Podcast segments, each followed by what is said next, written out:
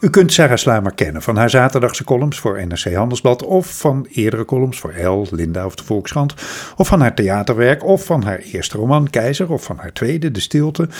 Maar u zou haar ook kunnen kennen van het boek Ontaarde Ouders dat ze in 2016 schreef samen met haar man Willem Bos over hun leven als jonge ouders van een eerste zoon. En zeker in dat laatste geval en als NRC-lezer zou u weten dat het gezinsleven voor de schrijfster Sarah Sluimer een rijke inspiratiebron is, Sarah. Welkom. Ja, Ja, eh, en het is weer zover, hè? Want ook je nieuwe boek eh, zou zonder je gezin nooit het licht hebben gezien. Wat, Klopt. maakt het, wat maakt het tot zo'n inspirerend onderwerp? Ja, misschien is het, ik- denk ik me ook wel eens een beetje van een nood een deugd maken. Dus als je eh, jonge kinderen hebt, of je kiest, je, ja, het is je gegund om jonge kinderen te hebben. jij maar hebt je er kiest voor een hoeveel? gezin drie. Ja. Dat is ook echt meer dan ik zelf ooit had eh, verwacht. maar dat krijg je als je met een katholieke man bent getrouwd of zo, denk ik wel eens. Ehm, dus ja, dan is het op een gegeven moment misschien ook een beetje van de nood een deugd maken. Dus je kan eh, jezelf als schrijver of kunstenaar opvreten en denken: die kinderen nemen zoveel eh, van mijn eh, kostbare tijd in bezit. Of je kan bedenken: nou ja, goed. ehm, het heeft ook iets. het- ik, ik heb ook een soort eman, een emancipatoire reden om het te doen. Om eigenlijk van dat leven dat we het liefst binnenhouden. eh, om dat naar buiten te brengen en iets te maken dat het, van te maken dat het privédomein overstijgt. Mhm.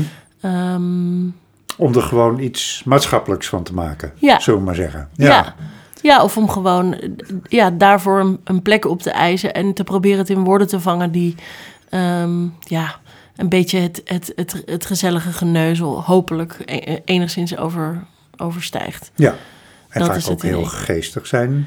Dat hoop ik. Ja. ja Ja. dat hoop ik. Nou, dat, in wat ik er tot nu toe gelezen heb, niet nog van je boek, maar van andere de- door je gezin geïnspireerde teksten, was dat zeker zo. Maar we hebben het nu over Geef je over, de Ja. ondertitel Een modern leven. Ja. Ehm, eerst even de, de hoofdtitel. Waaraan heb je je precies over te geven? Ehm, Want je Ja. hoort er ook iets achteraan van of ik schiet of zo. Ja. Hè? Er zit ook iets van dreiging in. Ja, dat vond ik er ook wel echt geestig aan. Het, het, het inderdaad, ehm, het, is, het is een nogal eisende titel. Mhm. Eh, maar dat geef je over. Dat is eigenlijk iets waar ik zo in de loop van de jaren achter ben gekomen. Dat de enige manier om misschien überhaupt te leven. eh, ja, dat, dat rust ergens of dat schuilt ergens in een overgavestand. Ehm, dus verzet tegen alles wat alle, ja, zeg, alle tijd, eh, alle ruimte die van je geëist wordt. Wat natuurlijk een heel groot onderdeel is van jong ouderschap. Daar kan je boos eh, om worden. Daar kan je je in allerlei bochten eh over wringen. En je kan ook op een gegeven moment je realiseren... ik geef me over. Ik ben niet altijd meer eh, het hoofdpersonage van mijn eigen leven. Ik zit in een toneelstuk waarin ik heel vaak een bijfiguur ben. eh, of behoor tot een collectief. Want zeker met jonge kinderen kan je je heel erg voelen alsof je bijna tot één organisme behoort als gezin. eh, waarbij je een arm of een been of een, of een voet representeert. Of heel vaak, nou ja, een rug. heel veel dragen heeft het ook wel mee te maken.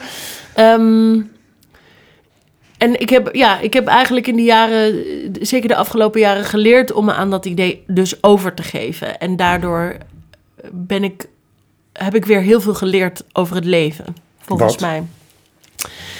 Ehm, Ja, daar heb je nu Dat een heel- boek over geschreven. Maar ja, ja, uiteindelijk denk ik dat het heel erg fijn is om jezelf ook af en toe op de achtergrond te zetten. Niet zozeer als vrouw, maar gewoon als mens. Om op een gegeven moment te denken: oké, je hebt die kinderen voortgebracht en die stuur je nu hopelijk op naar het voortoneel.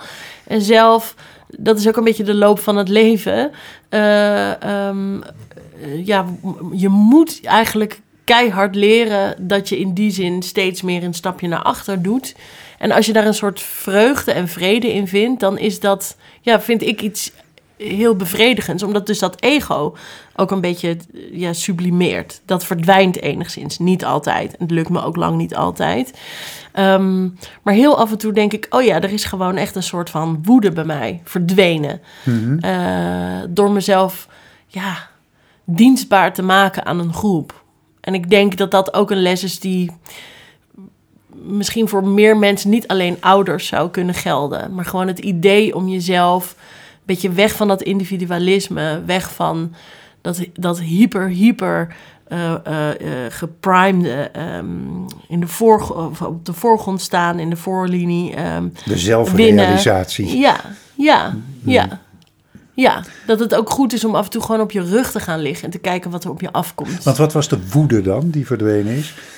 Nou, ik vond aanvankelijk wel dat ik een beetje in het pak genaaid was uh, door dat hele moederschap. Omdat, uh, ja, als je, als je een jonge vrouw bent, dan wordt je heel lang verteld dat je alles kan bereiken wat je wil. Als je er maar hard genoeg voor werkt. Dat is natuurlijk een soort emancipatiemythe die we kennen. Ja. En op het moment dat je dan een kind krijgt, dan merk je al in zo'n zwangerschap dat je heel snel aan de andere kant van de lijn belandt. Dus dat er iets anders van je wordt verwacht dan. Um, uh, uh, ja, dan wat je eigenlijk is beloofd. Hmm. Uh, en dan merk je ook veel meer uh, uh, dat er wel degelijk een heel groot verschil is in hoe mannen en vrouwen benaderd worden. Dus in dit geval, in mijn geval dan de aanstaande vader, dat zijn positie als vader direct en simpeler was. Natuurlijk ook omdat hij die baby niet hoefde te dragen. Maar ook dat er gewoon echt... Hij was niet de hoofdverantwoordelijke van dat kind. Men ging ervan uit, er zit daar een vrouw thuis die ja, voor dat kind die zorgt. dat doet. Ja. Het, is, het zit hem in de kleine dingen. Dat, er is hem nog nooit gevraagd als hij op zijn werk was. En waar zijn je kinderen nu? En mij is dat al wel 8000 keer gevraagd. Mensen durven het nu niet meer, denk ik. Maar, um, uh, of die dingen veranderen ook wel een beetje. Of is eigenlijk de afgelopen jaren is daar best veel gebeurd. Um, en ik vond gewoon op het moment dat die baby geboren werd, ik was er gewoon heel kwaad over. Ik dacht echt, wat is dit nou? En, en, en waarom zijn er zo ontzettend veel wegen voor mij afgesloten? En uh, of, of ervaar ik dat zo? En, en word ik als een, als een kom ik ook een soort in het, in, in het domein van de natuur terecht.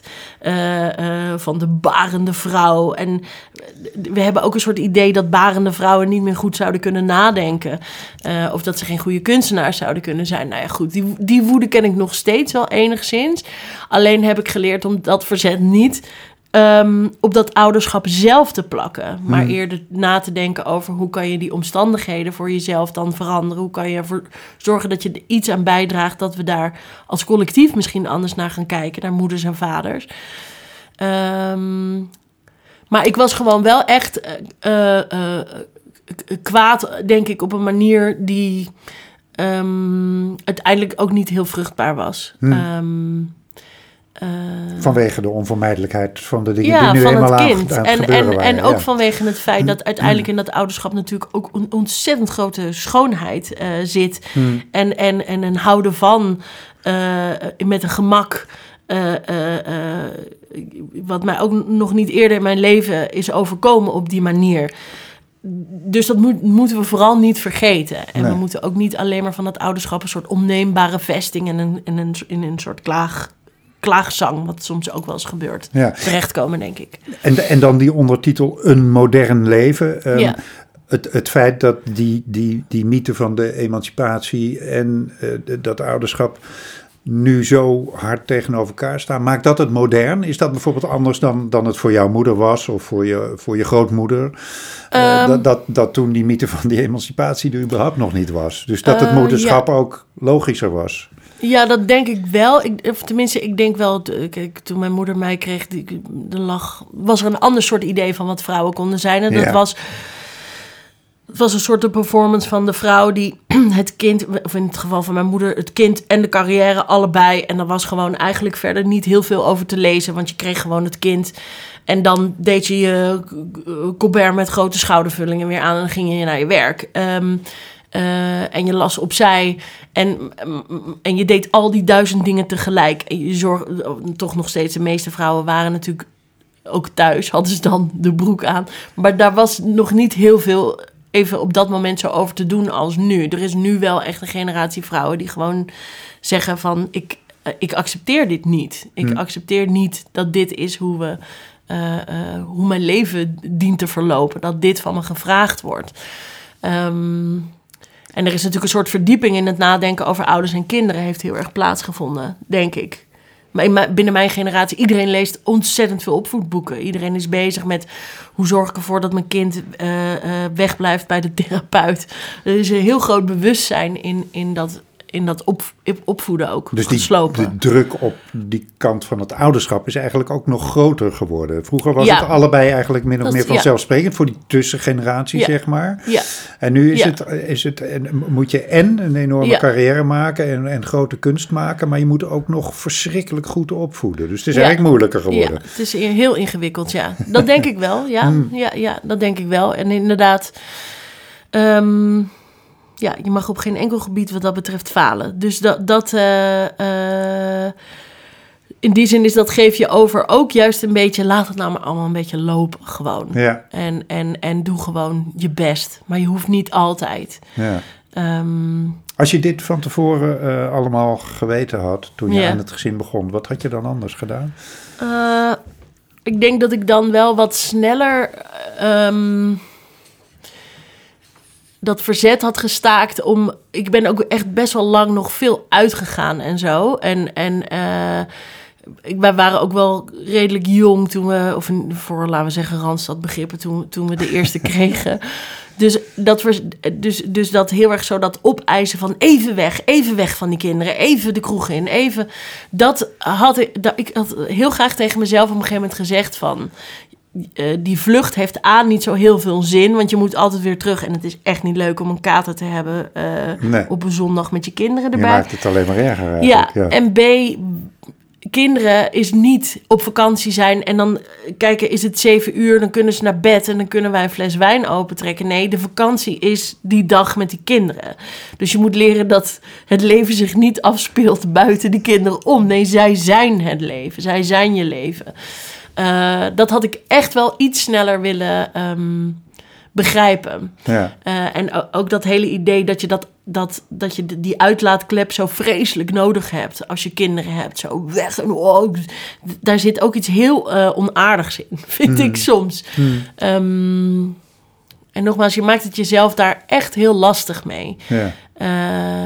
Want is het nu uiteindelijk makkelijker en mogelijker geworden om en gewoon moeder van drie kleine kinderen te zijn en grote kunst te maken?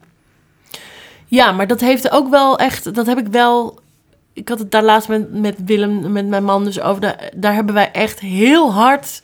Daar zijn wij, of ik ben er echt heel hard in gegaan. En dan denk ik dat hij echt een geëmancipeerde man is. Maar ik heb echt die, die, die ruim, ook in, vooral in, huis, in het huishouden. Ehm, ik ben niet zo confrontatievermijdend wat dat betreft. En hij ook niet. Als ik dat wel was geweest, dan had ik nu in een, eh, eh, relatie gezeten die ongetwijfeld heel fijn was. Dat is hij nu ook. Maar waarin ik toch ehm, CEO huishouden was geweest. En dan had ik echt best wel veel. Ja, ja. En ik heb die ruimte echt zo uitgehakt. En, en me ook gerealiseerd dat dus zelfs mannen als Willem. Wat dat betreft, dat we eh, toch, toch echt niet genoeg ehm, weten f- in eerste instantie van wat het betekent om een daadwerkelijk gelijkwaardige taakverdeling te hebben. Ik denk dat daar nog heel veel in te winnen is. Ja. En ik denk dat het echt voor vrouwen, die het ook allemaal maar moeten leren, hè, maar op de een of andere manier krijgen wij het sneller geleerd dan jullie, ehm, eh, dat daar nog heel veel winst te behalen valt. En Dat daar dat moet je dus is. wel echt- Daar moet je echt, echt voor vechten. echtscheiding voor Dus- riskeren. Ja. Dus wat dat Ja. betreft is het niet, geef je over. Nee, wat dat betreft niet. Maar, da- maar, maar ik bedoel, nee, nee. Want geef je over betekent niet van, nou ja, dan eh, mijn regel ik wel alles en Ja. ga jij maar, doe jij maar af en toe, zet het vuilnis maar buiten. Dat is het niet. Maar het is wel, geef je gewoon überhaupt eens over aan de levensfase waar je in zit. Ik vind het ook heel erg bij mijn leeftijdsgenoten passen om altijd terug te verlangen naar vroeger en altijd een, met een soort van spijt na te denken over waar hun leven zich op dat moment bevindt. Eh, wees, wees gelukkig, of in ieder geval probeer te omarmen eh, eh, dat je bent waar je bent. Denk, denk ik ook wel eens. Dus, dat- dus dat, ja, dat probeer ik. In ieder geval, ja. En van dat eh, proberen is nu verslag gedaan in Geef je over. Dankjewel, Sarah Sluimer. Het verschijnt in Dankjewel. februari bij Uitgeverij Pluim. Yes.